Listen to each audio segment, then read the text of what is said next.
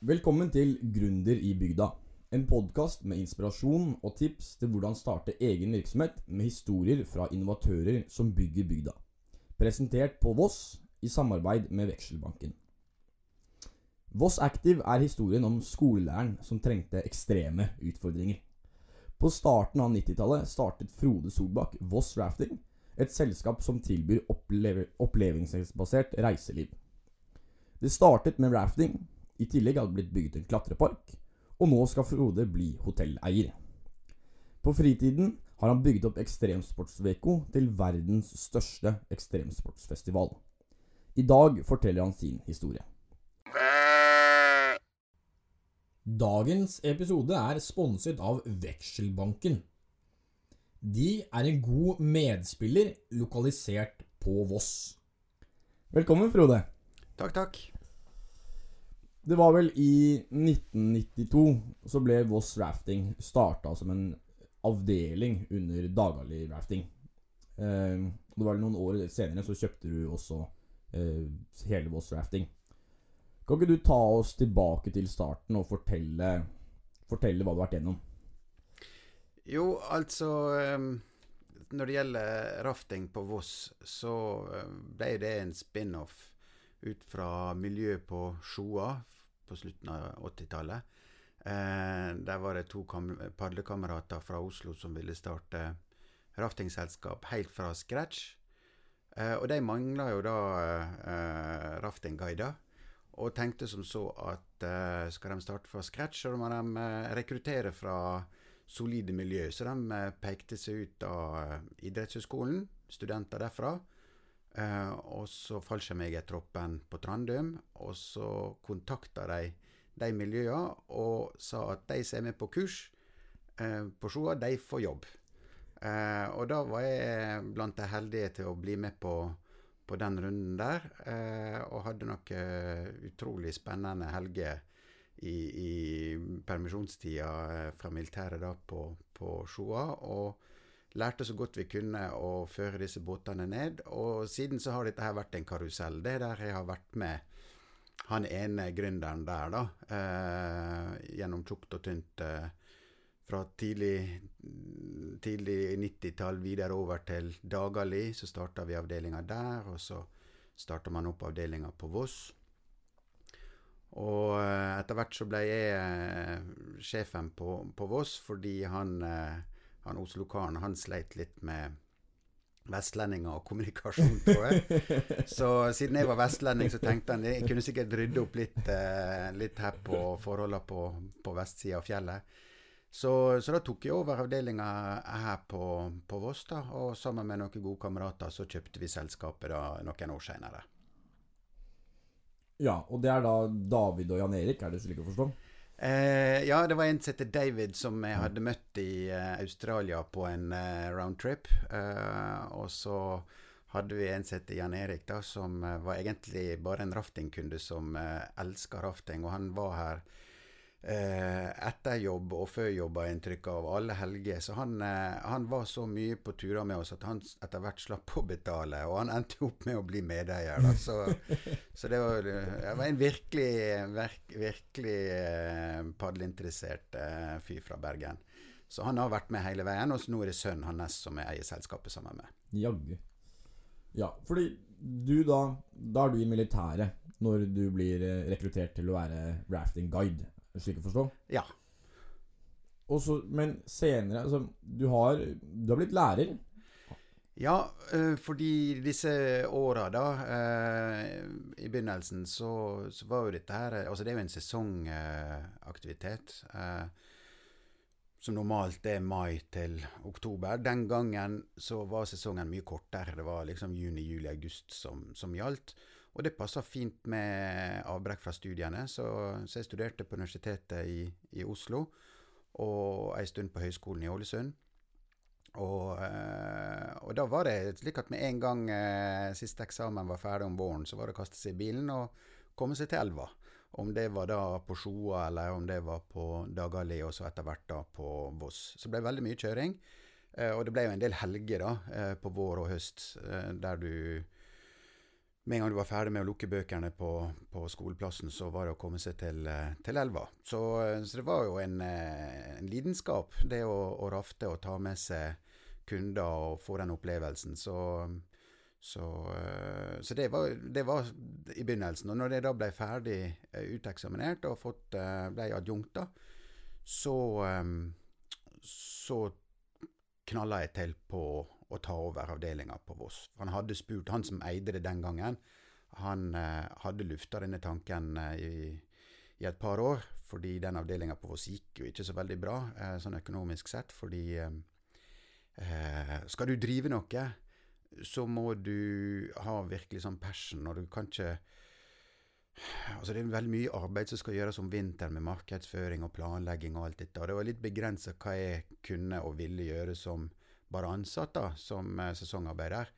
Eh, så han så det at det skulle, skulle det bli noe sving på avdelinga på Voss, så måtte det være noen som, som, kunne jobbe med det hele året. Og han så at det var en, en sterk kandidat for det. Altså, han spurte meg flere ganger, men jeg, jeg hadde jo da foreldre som syntes at det, dette her å være elveslusk, så de sa. De syntes jo ikke det var noe særlig at sønnen den, håpfulle Jeg var jo, jeg var jo fjerde mann, så endelig så skulle de få noen som lykkes med noe. da. Så, så de ville jo helst ikke at jeg skulle drive med denne raftinga, så jeg fikk ikke så veldig mye support derfra. Så de ville jeg skulle bli lærer og få en, en, en skikkelig utdanning og en ordentlig jobb. Så jeg, jeg, greide å ta eh, to fluer i en smekk, både med å, å, bli lærer og ta over selskapet på Voss. Så kunne jeg si at det var en hobby til gamlingene, da. Ja, fordi når du da tar over raftingen her på Voss, da er det bygget noe? Eller, eller hva har dere av tar? Ja, det var ikke rare greiene. Vi holdt jo til i kjelleren til han Bruce Andersen, en fantastisk fyr forresten, eh, og holdt til i kjelleren der. og og hadde et lite lokale. Og så hadde vi en, eh, en, en, eller to minibusser, og så hadde vi tre båter. Eh, så det var veldig begrensa. Eh, jeg tror vi kjøpte hele senteret for 200 000 eller noe sånt. Og jeg mangla jo penger, da. Eh, jeg hadde jo ikke 200 000, og, og vi gikk jo rundt eh, fra bank til bank. Eh, og alle sa nei. Men så var det Vekselbanken, da. og det var jo han Arve Schau den gangen som, som sa syntes at dette, var, dette, her var litt spennende. Og uh, han hadde troa på, på, oss. Vi var unge, eller jeg var i hvert fall ung. Og, um, så han syntes det var en god idé, så han, uh, han bladde opp og ga oss da et lån på 200 000. Men så måtte jo jeg få noen til å signere da på, på lånebrevet som garanti. Ja.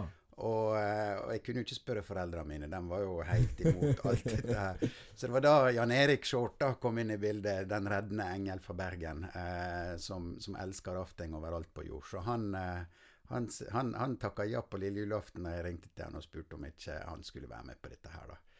Så eh, jo, dette var en god idé. Så da, da fikk vi det alle sånn som det vi, vi ville. Jaggu. Mm. Det er en kul historie, da. Må, må til banken og låne, og så går det bra likevel. Ja, og vekselbankene har jo vært med oss hele veien siden. Eh, så, så, vi har hatt et veldig godt eh, samarbeid med, med banken. Så, um, så uten en, eh, en, lokal bank som har troa på, på ungdomsmot og eh, nye produkt, så er det vanskelig å få til noe. Mm. Og du har jo du har også hatt nokså godt samarbeid med media det, jeg, kan jo, si, jeg, kan jo, ramse opp at du har jo vært eh, holdt på å si, halve verden rundt i diverse, diverse tidsskrifter. Både gjennom Voss Active og også Veko, som vi kommer litt tilbake til senere. Hvordan har du klart å få så mye medieoppmerksomhet? Altså, det er jo mye tilfeldigheter der, da. Men hvis du har et produkt som Husk at på slutten av 80-tallet og begynnelsen på 90-tallet så var rafting veldig nytt i Norge, og det ble sett på som noe helt crazy, for 11 var i utgangspunktet noe man burde holde seg langt unna. Eh, og når vi da tok med oss uh, helt vanlige folk på ganske tøffe turer, så ga jo det masse oppmerksomhet. Så vi, eh, vi, vi var jo et ynda objekt eller et produkt å, å filme eller skrive om, da. Eh, så det begynte jo kanskje med Norge Rundt, som, som eh, ville lage reportasje oppe i Raundalen. Og det var jo en eh, helt crazy tur på altfor mye vann og altfor dårlig vær og altfor kaldt. Men det ble jo en artig, artig seanse, det. Så det gikk nå bra. Og der vi, vi, jeg husker vi rafta ned ganske store stryk der kameramannen sitter midt i båten med et kamera da, som ikke er vanntett, til en halv million. Eh, eh, så da, jeg, tror- jeg, tror alle, jeg tror ikke vi var så veldig nervøse for verken helse eller, eller armer og bein. Eh, Det var, det var dette kameraet vi var så veldig fokusert på. Men det, det, vi fikk noen bilder, og, og, og, og siden har nå NRK vært med oss flere ganger. Men men det, du har et godt produkt, et spennende produkt, som da er nytt, så, så, så var, var jo kanskje det starten, da. Men etter hvert så har jo vi etter hvert blitt flinke med kamerafolk, og, og, og, og kanskje fått litt sånn godt rykte på at vi, vi tar godt vare på de filmteamene eller eh, redaksjonene som kommer på besøk, og prøver å gi dem gode historier, da.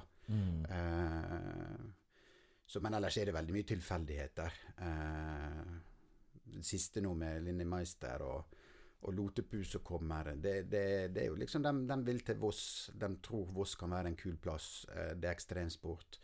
Eh, Vossabygda har jo fått et, eh, et eh, rykte på seg for å være ekstremsportbygda i Norge. Og, og, og da når Lotepus har lyst til å ta med seg Linni Meister hit, så, så er det er det lett Altså, vi, vi har jo et, eh, et navn i bygda, kanskje, så da er det oss de gjerne ringer. Og vi, vi står på pinn og tilrettelegger, og da gir de gode tilbakemeldinger videre. Så kanskje det er 71 grader nord som kommer neste gang. Så det, det spinner på seg, da. Godt beskrevet. Fordi, ja, som vi snakka om, du kombiner, kombinerte rafting som hobby, og så lærer her på ungdomsskolen på Ås. Og stadig så tok hobbyen mer tid, og selskapet vokste. Jeg, jeg er litt usikker på årstallet, men det var rundt 2015. Så jeg tror du tok permisjon fra skolen og gikk all in. Ja, altså det, det, det, var, det var veldig, veldig flott å kunne kombinere to yrker. For det, er klart, raftinga ble jo et yrke. Det var jo ikke noe hobby etter hvert lenger. Jeg var jo administrerende, liksom. Eh, så jeg var jo mye mindre på elva, og det var mye mer på bak PC-en. Og du, du driver med rekruttering, og du driver med strategier, økonomistyring. Så, så det blir jo en, eh, etter hvert en, mer som en ordinær jobb, da. Men det å kunne kombinere privat næringsliv med eh, å være kommunalt ans ansatt og, og undervise ungdom, det, det, tror jeg Jeg har vært ekstremt heldig som har hatt muligheten til den kombinasjonen. Eh, for de to yrkene de spiller litt på hverandre, og, og, eh, og det å kunne ha Å switche fra det ene yrkessettet over til den andre eh, å skille dagene og året eh, i perioder, det, mm, det, holder i hvert fall på tipp tå, og eh, du, må, du, må, henge med. Og det, det, tror jeg er sunt både for, eh, for kropp og sjel. Altså. Så for meg så har det vært eh, veldig givende å kunne kombinere. Men etter hvert når du får familie og du har tre små gutter, og, og du må få mer og mer ansvar i forhold til de ansatte på, på raftingsenteret, så, så så vi det at det begynner etter hvert å bli lite energi da, igjen til, mm. til å håndtere alle de utfordringene som eventuelt da kommer på de ulike kantene. Så, så måtte, jeg måtte gjøre et valg der. For det Jeg tror nok de på raftingsenteret følte også at uh, sjefen etter hvert ikke var så tilgjengelig som de helst ville. Mm. Uh, når, det ble, uh, når det ble så travelt. Så, men, um, men derfor tok jeg permisjon, da, bare for å se da var det litt sånn omstrukturering på selskapet. Vi hadde noen store visjoner på, på et helt annet prosjekt og, så vi satte i gang. Og da så vi at det ville kreve en ekstra eh, ressurs og energi. Så, så, da tok jeg ut permisjon for å se den omstruktureringa. Den omstruktureringa gikk ikke helt sånn som vi hadde tenkt. Men da så jeg også det at det var etter hvert vanskelig å gå tilbake til skolen eh, sånn som selskapet var bygd opp. Så enten måtte jeg ansette nye ledere, eller en daglig leder, på på raftingselskapet for å drifte det videre, for jeg hadde da fungert som en gründer, men her trengtes det en tydelig daglig leder. Og det hadde jeg delvis administrert vekk til de som var på kontoret, og det kunne jeg ikke gjøre lenger når det ble så store arbeidsoppgaver. Så, så da måtte jeg ta den jobben sjøl, eller det var det jeg valgte, da. For jeg så det at det å trekke seg ut fra selskapet og være f.eks. styreleder eller en strateg i bakgrunnen, det, det, det, så vi vel at selskapet egentlig ikke hadde råd til å, å lønne en heltidsleder eh, mm. i tillegg til meg da, på den, eh, den delen der. Så det var i hvert fall et valg som vi gjorde da, med at det gikk, eh, som du sier, all in i, i raftingselskapet. og og, eh, og det, det har, kan jeg ikke si at jeg angrer på, men jeg savner, savner lærergjerninga. Så av og til så stikker jeg innom skolen og får meg en vikartime. av og til. Bare for å holde, holde det gamle yrket ved, ved like. Det er, det er veldig kjekt med ungdom, så, så jeg savner jo den jobben. Ja, og fra, fra et selskap med fokus på elver og rafting, hvor kommer klatringen? Nei, det, det, var mer sånn som du, du, Som jeg tok med meg fra familien og, og andre påvirkninger. Jeg, jeg, var jo med å lage til denne klatreveggen i Ålesund i sin tid, og var vel aktiv som sportsklatrer i en periode i studietida. Uh, så det har jeg bare dratt med meg, men det, det er ikke noe som jeg har har, har drevet sånn veldig intensivt, eh, men på en sånt eh, hobbynivå. Men innenfor raftingsenteret så har vi eh, produkt som er kobla litt opp mot klatring. Da. Vi, vi hadde rappellering, vi hadde litt sånn fosserappellering. Og i forbindelse med rafting så er det mye bruk av tau og tauteknikker, som har gått, som der klatrekunnskapen min har kommet godt med. Så så eh, ja, Men noe sånn eh, Det har ikke akkurat vært eh, Mount Everest eller Trollveggen-klatring på meg. Det har vært, mer sånn for å komme seg opp på en fjelltopp på, på Sunnmøre eller sånn. Men ja, for, lyt, for, lytterne som hører på, da, så har du bygget en klatrepark eh, under da Voss Active. Eh, og, og, driver den selvstendig ved siden av, er det ikke slik å forstå? Klatreparken er jo egentlig noe annet enn klatring. da. Det, det, ligger, det ligger, i ordet at det skal være klatring, men altså det, er jo, det er jo mer sånn klatring i trær og klatring i, i tau og, og, balanse. Så det, er ikke det, man, det, har ikke så veldig mye med ordinær fjellklatring å gjøre. Uh, det er uh, En klatrepark består jo av ulike hinder mellom trærne, uh, med zipline og klatrenett og balansehinder.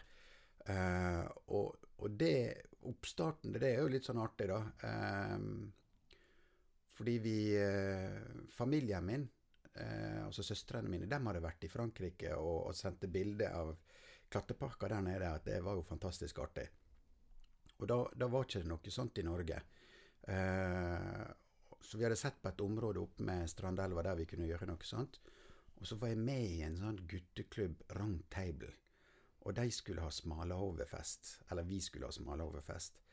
Og da var han Sigmund Bjørker, den gangen sjefen for Voss Sement.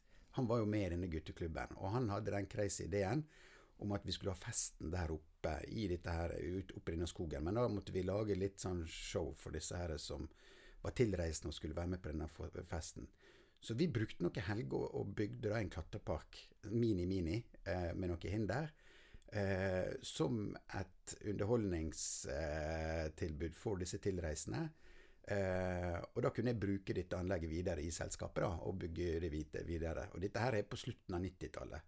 Eh, så var, gikk det en del år da før vi bygde den ordentlige klatreparken i sånn ca. 2010. Så den er jo eh, blitt et, uh, et eget uh, bein for selskapet å stå på.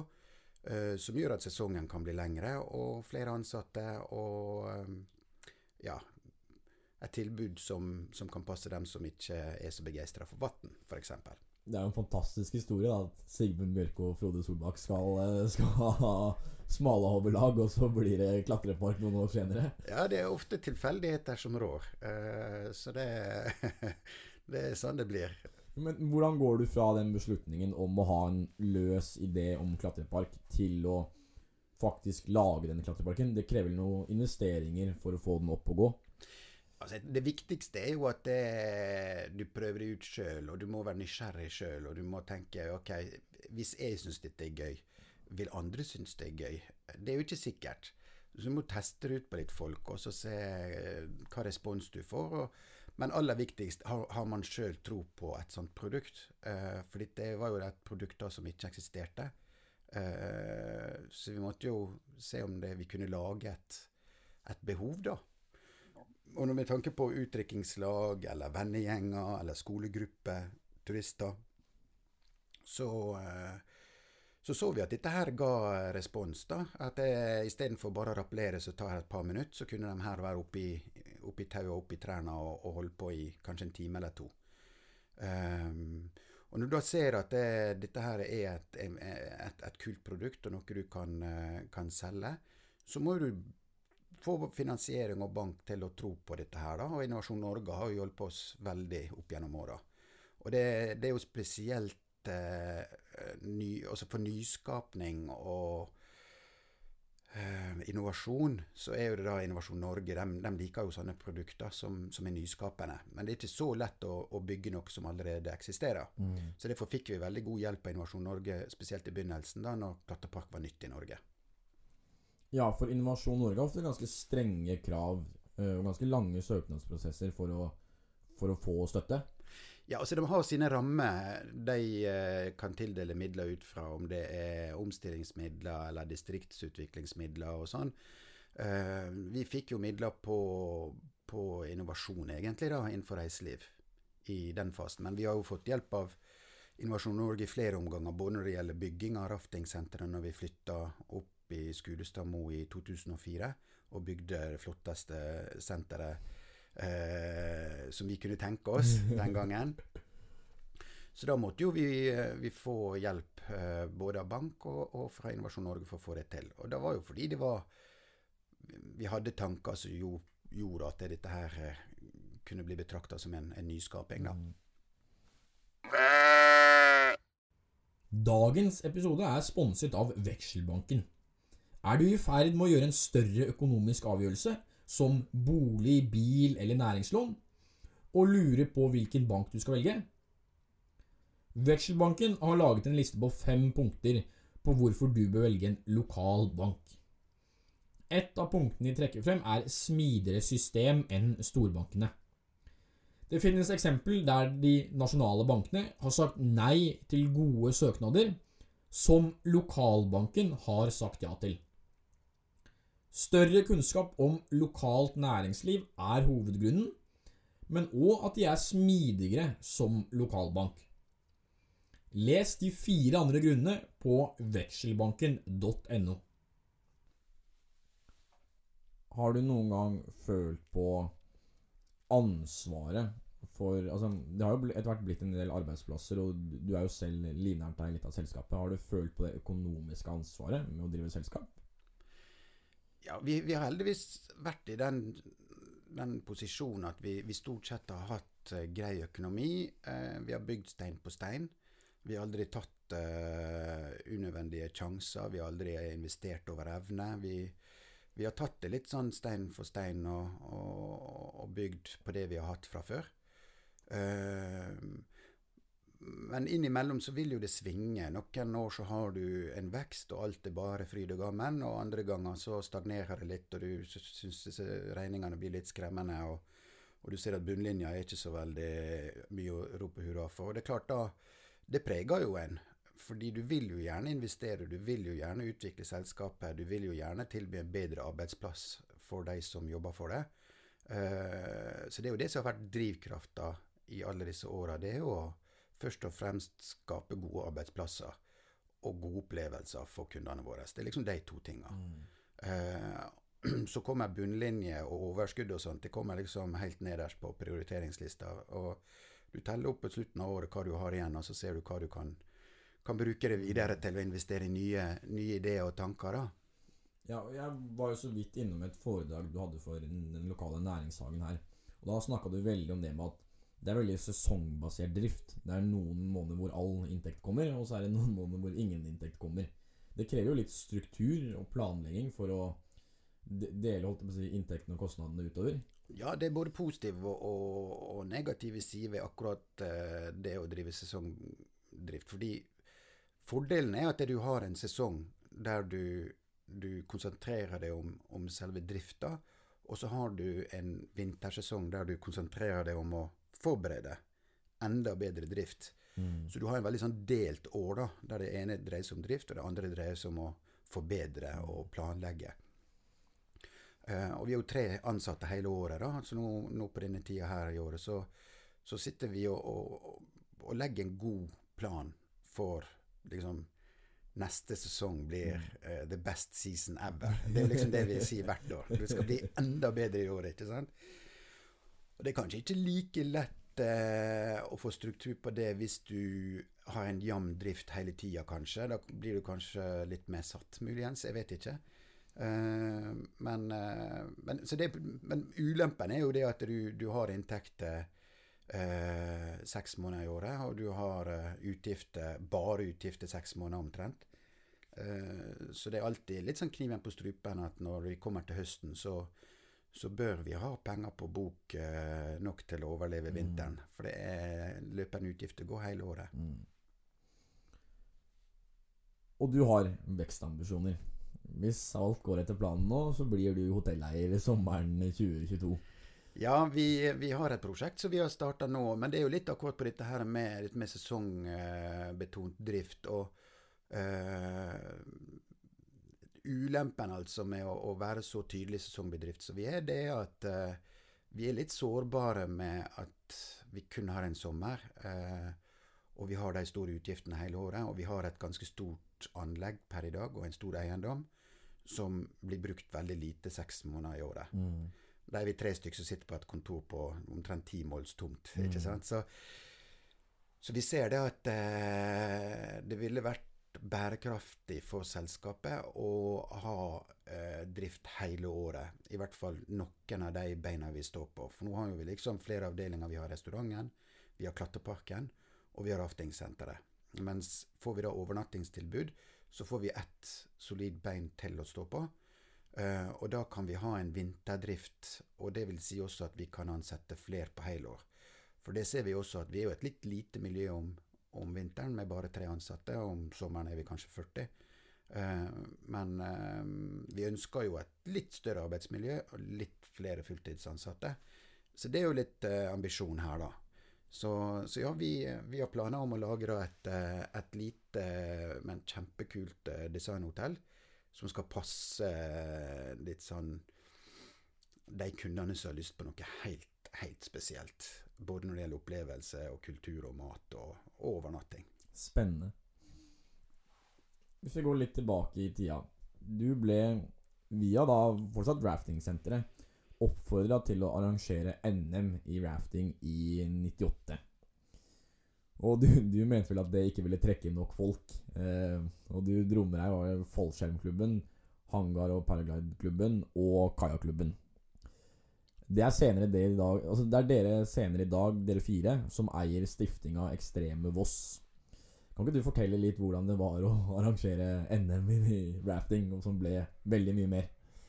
Jo, altså det, På den tida der så, så, var det sånn årlig norgesmesterskap i rafting. Og det var nå rundt omkring i distriktet i Norge. Om det var Sjoa, Oppdal og Dagali og Trysil var det vel. Så vi var på flere plasser og konkurrerte da mot disse andre raftingselskapene i Norge. Det var veldig gøy. Men, men vi syntes jo at vi var rasende flinke til å rafte, og at dette var en rasende flott uh, aktivitet å drive. Og folk måtte jo se dette her på TV og lese om det og sånn. Men det var jo bare langrenn og, og fotball det dreide seg om. Så vi, vi hadde en, eh, en, eh, en visjon om at dette måtte ut til den store verden. Mm. um, men vi så jo det at rafting det, var en veldig liten, en liten konkurranse, dette Norgesmesterskapet, og vi fikk jo ikke media til å tenne på dette her i det hele tatt.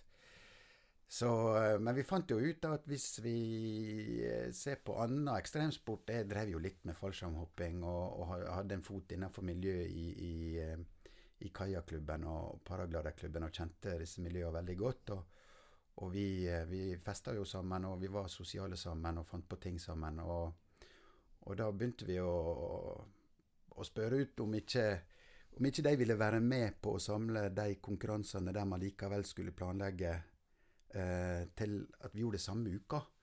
Så hvis vi hadde NM i rafting og norgescup i paragliding, tror jeg det var, og fallskjerm eh, det var vel faktisk en internasjonal konkurranse, eller så Ja, i hvert fall. Det var nå i hvert fall offisielle konkurranser som var planlagt, som var spredt utover hele sommeren. Så ideen var veldig lett eh, og enkel, og, og også kanskje genial. Og det var bare å samle disse aktivitetene eller disse konkurransene til samme uka på samme lokasjon på Voss. Det var ikke mange andre plasser i, i verden man kunne gjøre. Og det var egentlig suksess oppskrifta, det sammen med at vi hadde en veldig tydelig eh, anarkistisk eh, tilnærming til struktur og organisering den gangen. For hvis man gikk ut og sa at det var raftingsenteret, Voss Active eller Voss Raftingsenter, som skulle arrangere dette, eh, så ville jo ingen bidra. Eh, det ville ikke vært like lett. Så Derfor var det veldig viktig at vi hadde en flat struktur. Alle hadde eierskap til organisasjon. Eh, og det ble en stiftelse etter hvert. Eh, så det er en del slike ting som gjorde at dette ble suksess. At det ikke var aksjeselskap, f.eks., og at det var ikke tydelige eiere. Det er ingen som eier aksjer i dette. her. Så det er ingen som eier stiftelsen heller. Det er bare vi som stifter den. Eh, så det er en ideell stiftelse med, med masse dugnadstimer som, som, holder dette her til å spinne rundt. Nå har vi riktignok en profesjonell organisasjon i dag, men det er ingen som eier Ekstremsportveko. Det er Voss som har Ekstremsportveko. Spennende. For du uttalte jo også at eh, Voss skulle bli Norges svar på Queenstown i New Zealand. Eh, og ut ifra holdt jeg på å si jeg som står utenfra, eh, så fremstår det nesten som du har blitt eh, større med det som i dag er verdens største ekstremsportsfestival. Hva tenker du om det?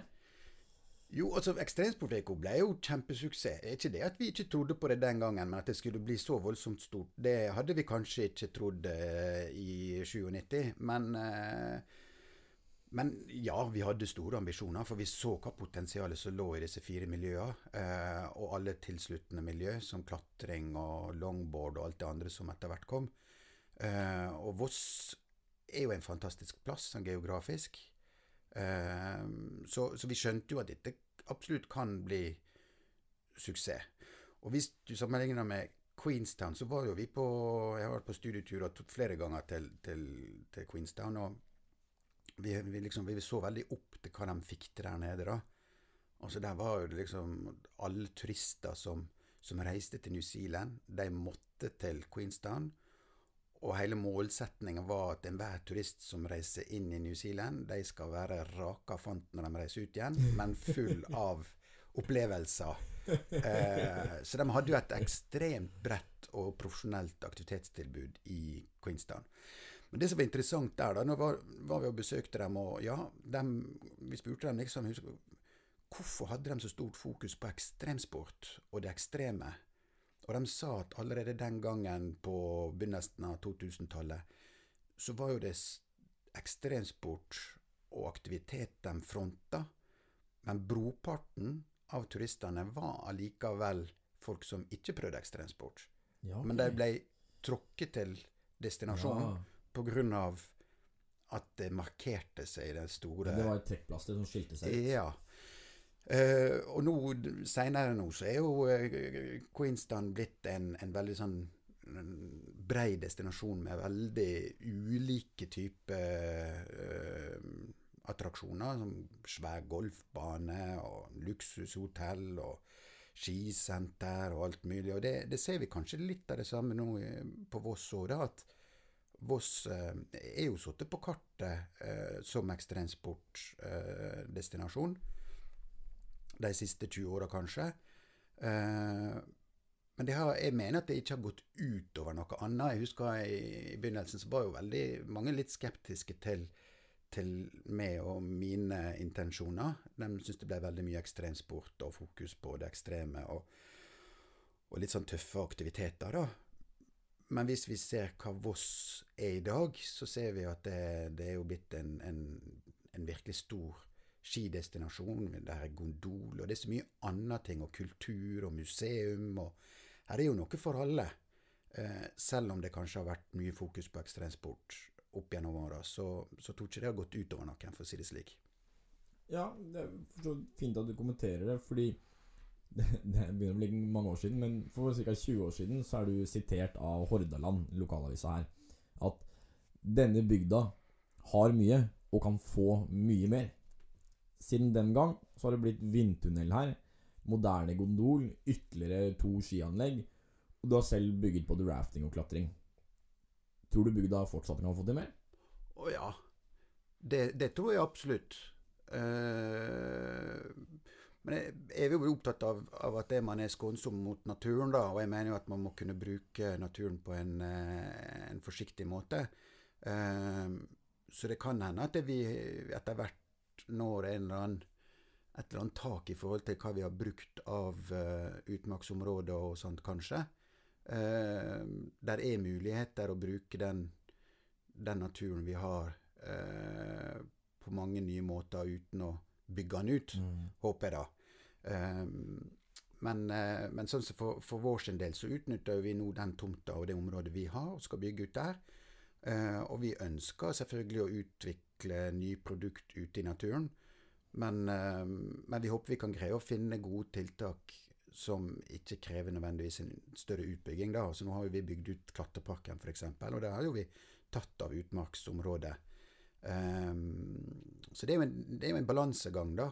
Hvor mye areal skal man ta, og hva verdiskaping skaper det. Men da må jo man bare se det i Det er jo dette som er bærekraft, da, å prøve å finne den balansen. Mm. Du holdt jeg på å si, du har drevet Voss Active som et uh, aksjeselskap og vært daglig leder og eier der.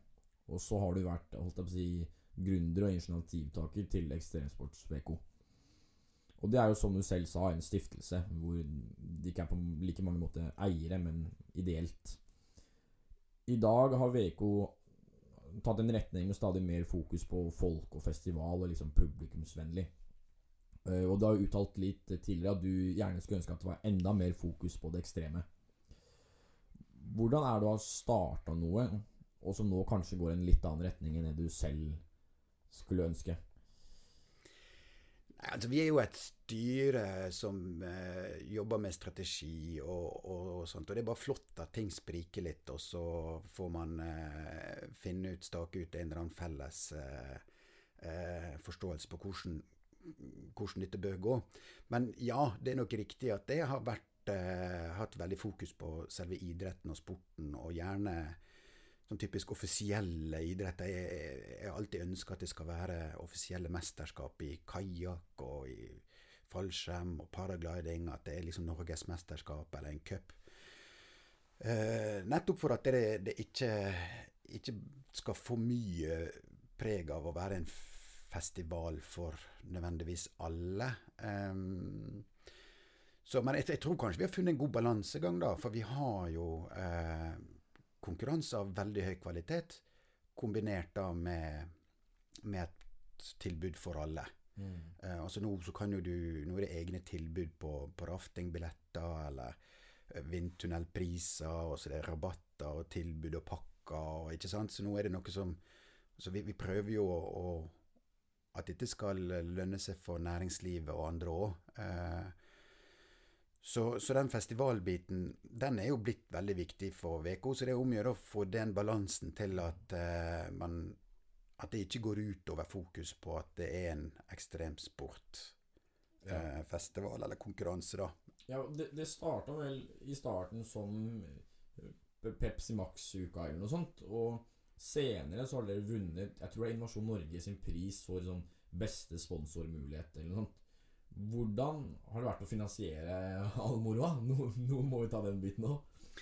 Altså den, den, den, opprinnelige tanken var jo at vi ønska at publikum og festivalbiten skulle på en måte finansiere eh, drifta av disse konkurransene, slik at ikke deltakerne av, på disse konkurransene måtte, måtte betale altfor mye. Og det er det er jo dyrt å organisere og arrangere konkurranser. Eh, tenke fallskjerm og kajakk og sånt. Det krever masse, masse arbeid.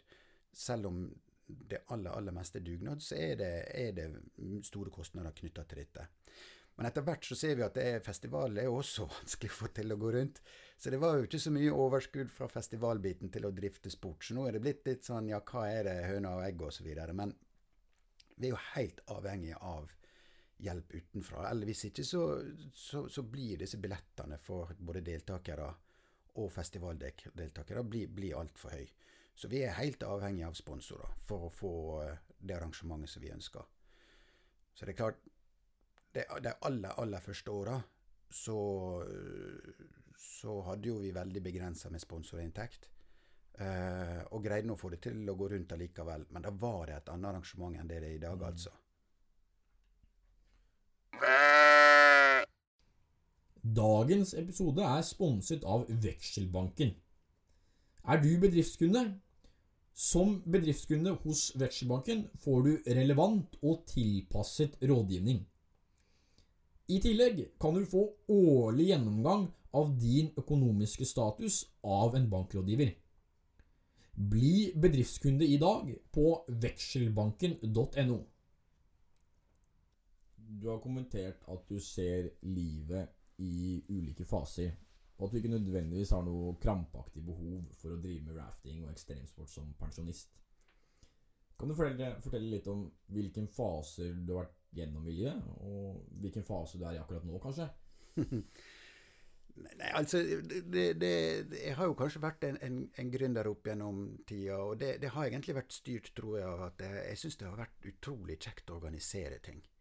Og det ser jeg helt tilbake fra jeg var speider og, og, og i skolesammenheng og sånt. Jeg syns det var ufattelig kjekt å organisere påsketur eller ø, overnattingstur med, med speiderpatruljer. Og, og, jeg laga side opp og side ned med plan og kart og oppgave. og Jeg syns det, det, var fryktelig kjekt. Eh, så det å planlegge ting for andre, og det se det å lage kule arrangement, det, det begynte med veldig, veldig ung alder. Uh, så det, det, ligger jo egentlig fast enda, da, tror jeg. Uh, jeg liker å lage ting uh, som skaper gode opplevelser, da. så så sier du at ja, en stund så drev jeg med mye ekstremsport. Ja, det, det er jo ikke så unaturlig for en 20-åring som som har litt behov for spenning, at du, du prøver forskjellige aktiviteter. Eh, både høyt og lavt, og i vann og i luft. Um, så jeg har nå kanskje vært innom det meste. Eh, og da er jo ikke du så veldig redd for verken egen helse eller eh, skader, eller altså, Du er fryktløs, ikke sant, og, og tar med deg kunder på, dette, på, det samme, fordi alt er bare kjekt og spennende og gøy. Um, men uh, men det meste blir jo en vane, ikke sant. Så enten må du dra det litt lenger, eller så må du finne andre måter å glede deg på, eller å finne glede, da. Og for meg så har det egentlig alltid vært det viktige at andre som er med, har det kjekt. Det, det har vært viktig, da. Mm. Uh, og nå er jo den posisjonen at jeg har en familie som jeg prøver å ta med på litt kjekke ting. og og nå sitter jo jeg mye mer som har kontorarbeid. Nå er det andre ansatte hos meg som er ute i naturen og presser grenser og og ta med seg gjestene våre. Jeg håper jo ikke at det er jeg presser grenser når han tar med gjestene sine, men, men um, Nei, altså, det er tid for alt, da.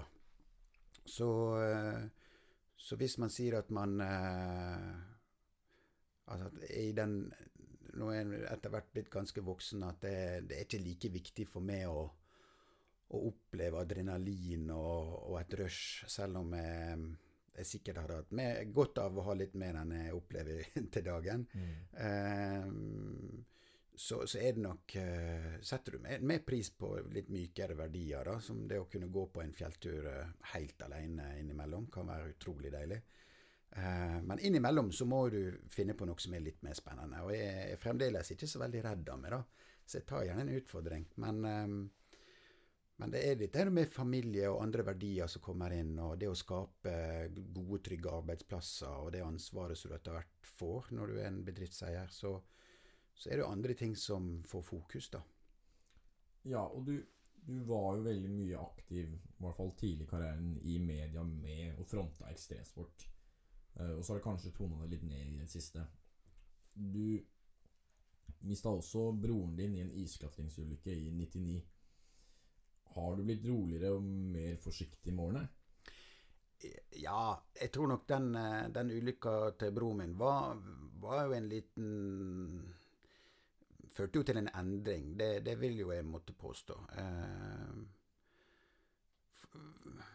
for det er klart, det var jo veldig tøft for familien, og vi var veldig tette. Eh, og han hadde jo barn og, og familie, og det var, det var bare tragisk, hele greia. og og, eh, og, da lovte jeg jo foreldrene mine at jeg skulle slutte med isklatring. Um, fordi de ikke ville tåle uh, å høre at jeg drev samme aktiviteten som den andre søndagen mens jeg hadde omkommet i. Uh, og det var jo ikke noe stort. Jeg hadde, jeg hadde klatra en del is akkurat på den tida der, så, Men jeg hadde jo heller ikke noe særlig glede av å gå ut i en, en bratt, farlig isvegg etter den ulykka, da.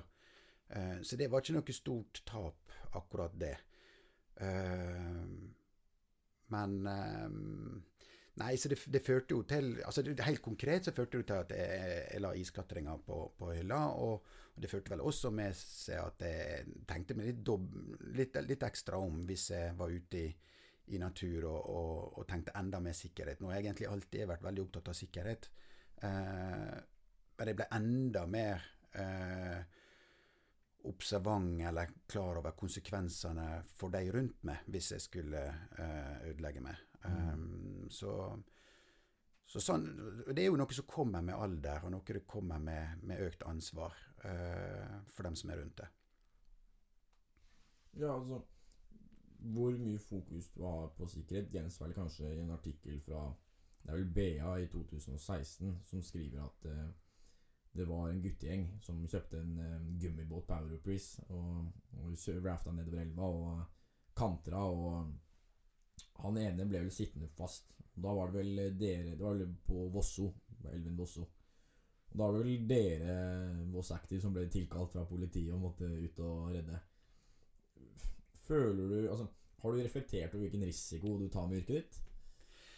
Altså, Den situasjonen der var jo egentlig bare kjekk for vår sin del. At vi, eh, altså teamet til Jeg var ikke med på den eh, på, i elva på den, eh, den, aksjonen, men jeg var nå med og koordinerte det på telefon. da. Eh, men altså, det er jo bare en, en, en glad, gladsak, eh, der eh, guttene våre kasta seg i bilen og ned i elva og fikk dratt denne guttungen ut av ei håle som han satt fast i. Og, og, og, det var jo bare ei solskinnshistorie. Um, ellers så har jo jeg utsatt meg kanskje meg sjøl for, for, større risiko i andre situasjoner. Jeg, jeg, jeg, har jo vært med og tatt ned uh, en basehopper som hadde satt seg fast i fjellet nede på Nåli. Uh, det, det, var jo sånn i ettertid så var jo det det ble jo gjort på en, en helt grei og innafor sikkerhetsmargin-grense, egentlig, men, men, man ville ikke gjort det på samme måte i dag, mm. med et singeltau og én mm. person ned og, og kroka på og sånt. I dag ville jo man gjort det med et større team, da. Så, så mye kunne jo ha gått galt i en sånn situasjon. Uh, men, men, man jo sine, tar jo sine forhåndsregler og, og evaluerer og tenker ja, dette er innafor sikkerhetsmargin. Uh, men jeg hadde nok ja. ikke gjort det samme i dag. Nei, men jeg opplever veldig at gjennomgående i kommunikasjonen deres så er det fokus på sikkerhet. Sikkerhet er, er alfa og omega. Så, som man sier, Grundighet gir trygghet, og alt må ha sine planer. og Du må, du må være seriøs. Du kan ikke drive og, og ta med deg gjester eh, hvis ikke du har gode planer og gode rutiner og dyktige folk. Så, så alt må være tipp topp. Så den daglige drifta med våre gjester, den oppleves som veldig trygg. Men det er klart, eh, vi som er raftingguider, eh, er jo en Det er jo en tøft yrke, da.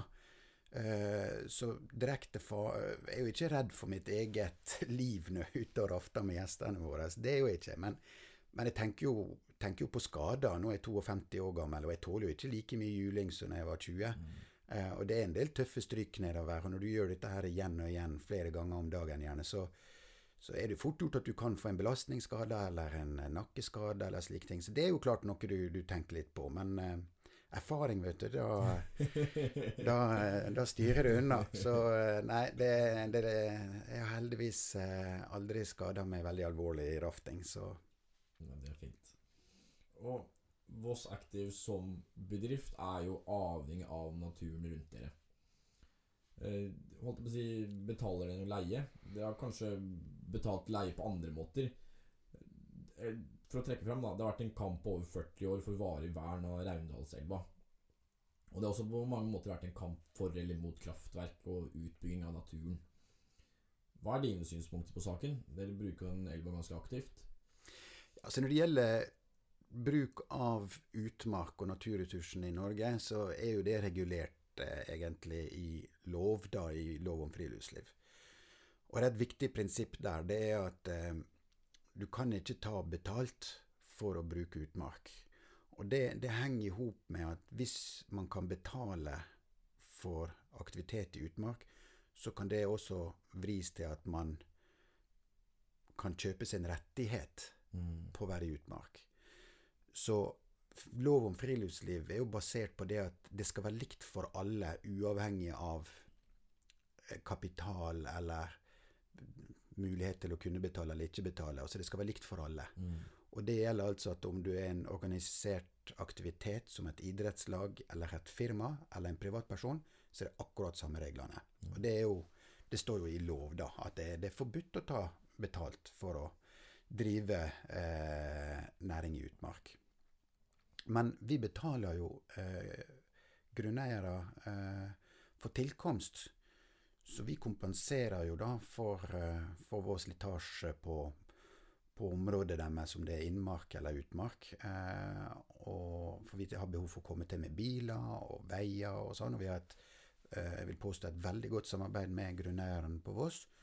Og vi betaler ganske mye penger hvert år eh, for, for å kunne komme til eh, naturen. Men når vi da er ute i naturen, så må vi oppføre oss som om vi er en privatperson eller organisasjon. Altså vi, vi kan ikke etterlate oss spor, vi skal oppføre oss på en ordentlig måte. Eh, så ja, vi, eh, vi, eh, vi betaler for oss, men ikke for den delen som er dekt av Nei. lov om friluftsliv. Mm. Men vi må likevel gjøre opp for oss for tilkomst til naturen. Ja, og det er jo Det er en artikkel eh, også i, i samsvar med Raulandselva, tror jeg, som hvor Transportøkonomisk institutt kommenterer at eh, eh, Voss Active sine gjester Det begynner å bli noen år siden la ned rundt 50 millioner kroner i ringvirkninger og samfunnsmessig omsetning. Det er, si, det er kanskje litt de kronene du prøver å nå med hotell òg. Hva, hva tenker du om de ringvirkningene virksomheten din bidrar til bygda?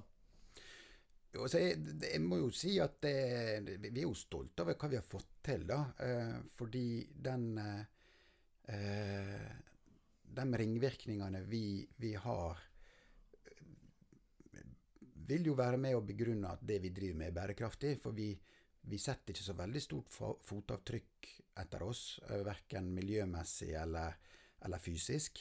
Eh, vi, tar, vi bruker den naturen som er, og vi mener vi bruker naturen på en skånsom og fornuftig måte. Og hvis du ser dette opp mot kraftutbygging i verna vassdrag, så mener jeg eh, veldig enkelt, og det jeg mente den gangen, at eh, eh, kraftutbygging i Norge har vært viktig. Eh, men man har bygd ut så mye at det som er gjenværende, det må kunne stå eh, uberørt. I alle fall i dagens situasjon. For vi har så mange andre tiltak som burde vært og må gjøres før man eventuelt ødelegger med natur. Og bare innenfor det miljøaspektet så må jeg også nevne at jeg er veldig imot eh, vindturbiner og alt som krever areal og landområde, Og nye demninger, og nye eh, kraftanlegg i fjellheimen. Rett og slett fordi det er så mye annet man bør gjøre først. Men når man har brukt opp alle de andre alternativene, og det, ikke, og det fremdeles skulle være et behov for mer energi, så får man ta den kampen da. Men nå er det helt meningsløst å ta en sånn kamp. Godt oppsummert. Du, vi har jo også vært tidligere litt inne på det med at med økt vekst så krever det også flere ansatte. I dag så har du rundt 50 ansatte i høysesongen fra mai til oktober. Hvordan er det å rekruttere altså, Det er jo ganske spissa stillinger du skal ha. Hvordan er det å rekruttere slike stillinger til Voss? Ja, tradisjonelt sett har det ikke vært noe problem. Eh, raftingmiljøet internasjonalt er, er ikke så veldig stort. Vi og Voss har hatt et veldig godt rykte på oss. Eh, det er klart Ekstremsportveka er et trekkplaster for mange av disse raftinginstruktørene. Men som raftinginstruktør, eh, de vi trenger da, til eh, rafting i Strandelva og Raundalselva, så trenger vi profesjonelle eh, raftingguider med bred erfaring. Og det har vi ikke hatt noe problem med å rekruttere, eh, nettopp pga. at eh, vi, vi har vært godt kjente og tatt godt vare på de guidene vi har hatt. Men nå er utfordringa litt annerledes, for nå er grensene stengt, og med korona og sånn, så nå er jo litt eh, Nå ser vi at det, vi må tenke nytt, da. Eh, så, så nå har vi kjørt eh, Nå kjører vi ganske hardt på eh, et norsk team som vi bygger opp, til å få bygd opp en viss profesjonalitet hos norske raftingguider. Så vi har et tett samarbeid med Voss videregående skole eh, for å få til det utdanningsløpet der. Så, Spennende. så det, det, det er vi godt i gang Men, men vi, vi greier nok ikke å skaffe de helproffe raftingguidene. Eh, der er, der, har ikke vært nok nordmenn som har vært interessert i å ta, ta den heltidsstillinga. For det, det som har vært vanlig blant raftingguider i Norge, det er at man kombinerer det med studiet. Ja, okay. Mens disse utenlandske raftingguidene, de er heltids hele året. Mm. Eh, Så de flytter dit det er vann og, og sesong. Så, eh, så Men vi, vi må jo bare løse utfordringer. Men det er alltid noe nytt å håndtere. Men, men vi ser nå at vi må basere oss på mer på lokal arbeidskraft, og det er jo positivt. Eh, eh, Så kan man si hvorfor har ikke vi gjort det før? Jo, vi har egentlig gjort det før. eh, Men nå går det til at vi, vi Nå betaler vi utdanninga til de som kommer til oss. Mm. Altså De får gratis kurs, og vi, vi investerer mye mer i den i de som kommer, da. Ja, enn en det som har vært vanlig Ja. før, da. Hvis vi nå pensler litt mer over på refleksjon litt sånn avslutningsvis Hvilke faktorer altså, Du slår meg jo som veldig arbeidsom og initiativrik. Altså, hvilke faktorer har vært mest avgjørende for din suksess? Nei, altså det, det å gripe de mulighetene som dukker opp, da, og være litt kreativ i forhold til å se potensialet i, i situasjoner eller det som skjer rundt det, da. Eh, og ja, og også rett og slett være positiv til de som er rundt deg, og, og bidra og prøve å skape ting. Eh, for da tror jeg folk har lyst til å hjelpe deg òg, Mm. for de ser at dette her er han er her, han har såpass bra tro på dette her, og det er jo en kul idé, så dette har vi lyst til å hjelpe han med. Mm. Altså det å ha den den, eh, den forankringa der med at det, du ikke bare tenker på deg sjøl og hva du vil oppnå, men hva, hva du kan gjøre for et miljø eller for, en, for andre. At, altså det, da blir det en ball som begynner å spinne, da, eh, og kan bygge på den. Um, jeg har vel vært den typen som, som er ganske rask òg, og, og ikke alt så like gjennomtenkt. Eh, men det kan ha sine fordeler og ulemper. Men, men fordelen er at du kommer i gang med ting. Mm. Eh, og at det ikke bare ligger i ei skrivebord eller ligger på et papir, men du gjør faktisk noe med det. da, Og tar de telefonene som kreves, og skrive de brevene som, som du tror er nødvendig, og snakke med de folka som du trenger, trenger å samarbeide med. Ja, vi var jo litt inne på at noen ganger så altså, har du vært underdogen, og folk er liksom negative og misliker, og det er ikke måte på. Hvordan, hvordan har du takla liksom motgang og negativitet fra andre? Nei, altså Du må jo tro på det du sjøl driver med, da, og ikke høre altfor mye på andre som er pessimister i forhold til, til det du driver med. Men du, du kan ikke trakke på andres tær, og du kan ikke såre andre. Eh, så, så så du må lage produkt og lage aktivitet eh, som ikke stjeler f.eks. andres ideer. Eh, som, som kopierer andre. Eh? Det, er, det er dårlig forretningsmoral. Mm. Så du må, du må skape noe nytt, og da er det mye lettere å få jubel rundt, rundt det. da, På at ja, dette er kult, dette er nytt, dette er nyskapende. Dette trenger bygda. Eh, dette, kan, dette kan få litt oppmerksomhet. Dette har vi lyst til å være med på. Så det å finne de tinga der, da Det må være forferdelig slitsomt å drive en, en næring som, som kopierer andre eller trakker andre på tærne, og det er bare konkurranse. Det må være slitsomt. Ja, men det har jo også vært felles for det du har drevet med. Du, du har jo hele tiden kommet på noe nytt. Altså rafting, klatring altså Det er jo forholdsvis nye ideer. Hvordan klarer du å holde deg oppdatert, eller hvor, hvor, kommer disse ideene fra? Altså det, det er mye her som, som er stjålet, men ikke fra potensielt konkurrenter Nei, det på stedet. Du kan Mm. ta, hente ting fra New Zealand du ser, eller du, du har vært i Frankrike og ser inspirasjon, ikke sant? Og så få ting til bygda som bygda mangler fra før. Mm. Eh, Så må ikke du nødvendigvis finne opp krytt, eh, kruttet på nytt. Altså Rafting fantes når vi starta her på begynnelsen av 90-tallet, men Voss hadde ikke rafting. Mm.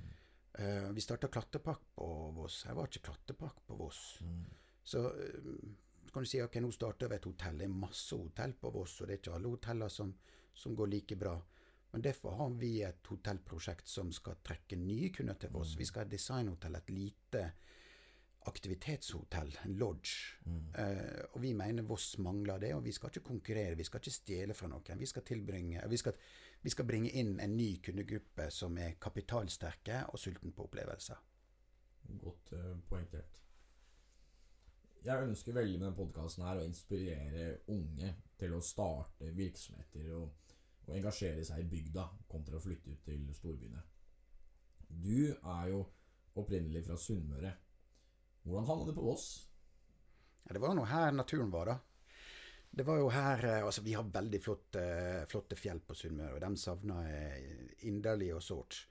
Eh, men her er jo fantastiske elver. Og så var det et fantastisk miljø allerede når jeg kom hit på 90-tallet. Og så fallskjermmiljø, paraglidermiljø, og, og etter hvert kajakkmiljø.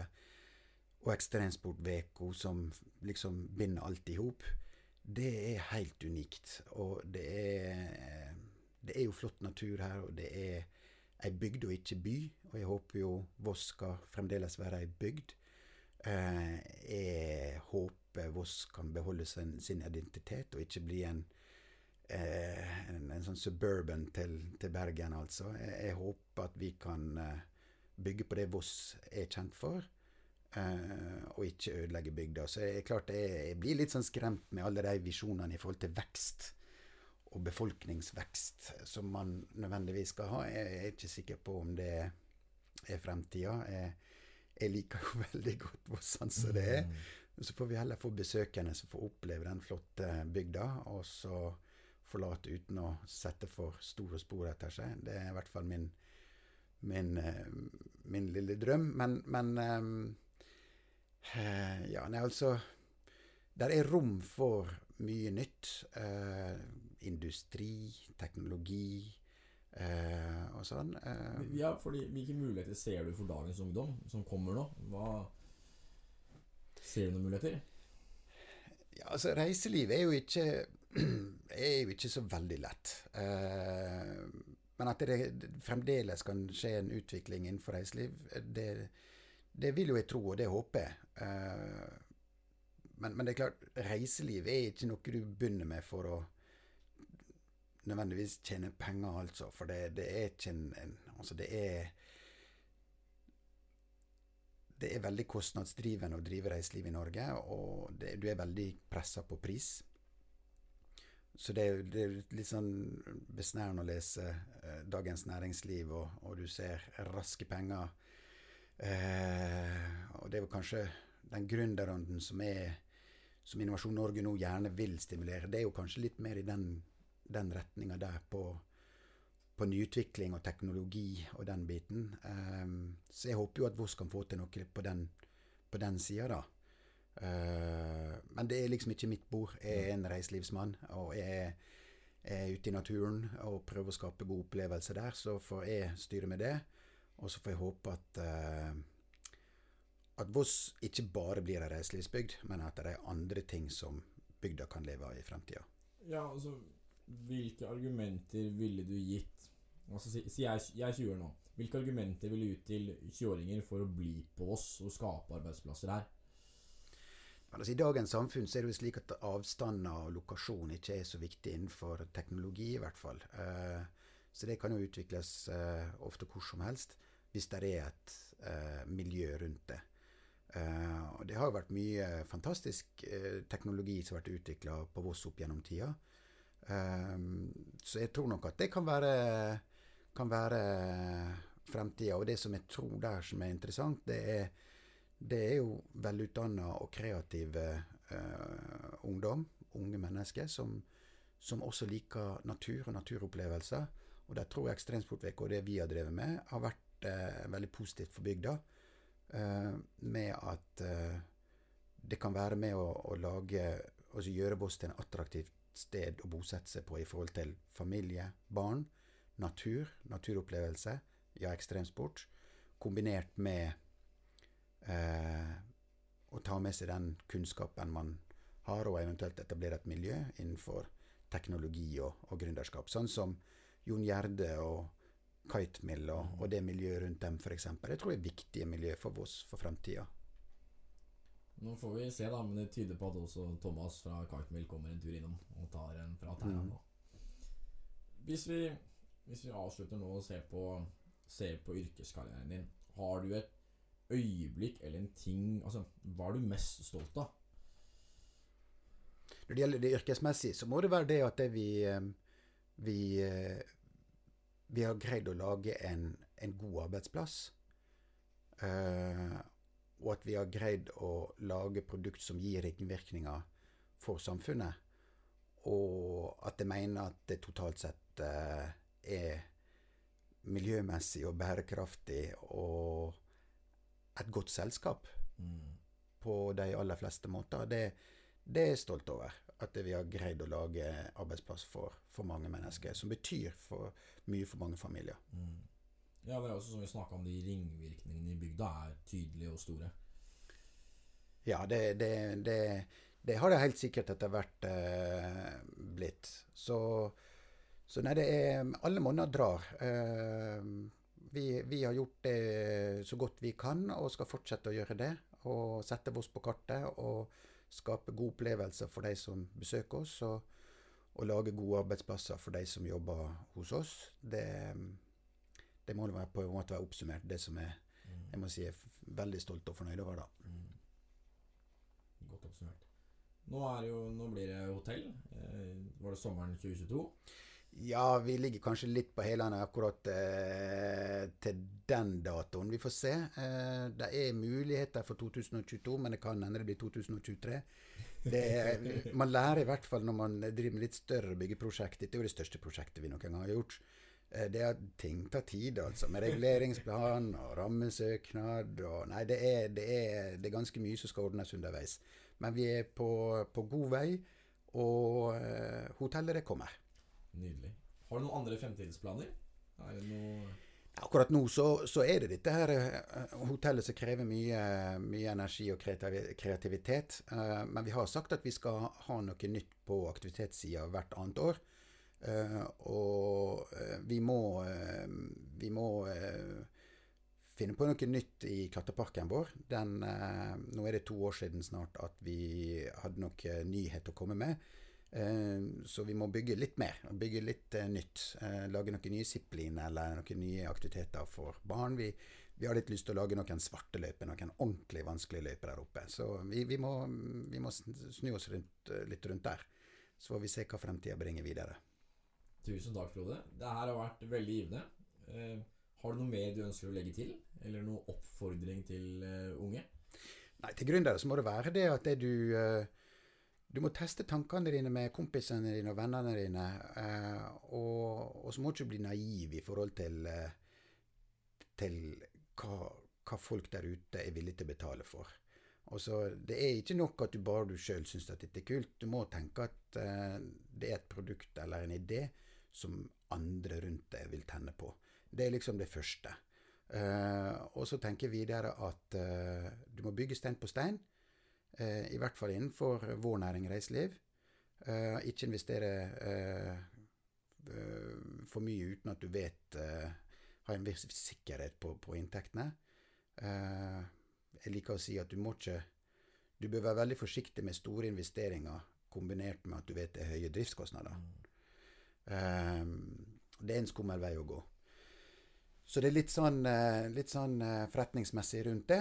Eh, og ellers så eh, så, så må ikke du være redd for å jobbe, altså. Og bruke tid på dette her. Og ligge våken om nettene og tenke og drømme det litt bort. Du må ha litt hå- hårete tanker og store drømmer og tenke langsiktig. Det tror jeg er viktig. Og så ikke være fullt så opptatt, opptatt av disse pengene til eget, eh, eget forbruk. Det, det, da blir ikke du en gründer, altså. Da bør du heller jobbe for noen. Og med det så sier jeg tusen takk for praten, Frode. Veldig hyggelig å ha deg. Takk, takk. Takk.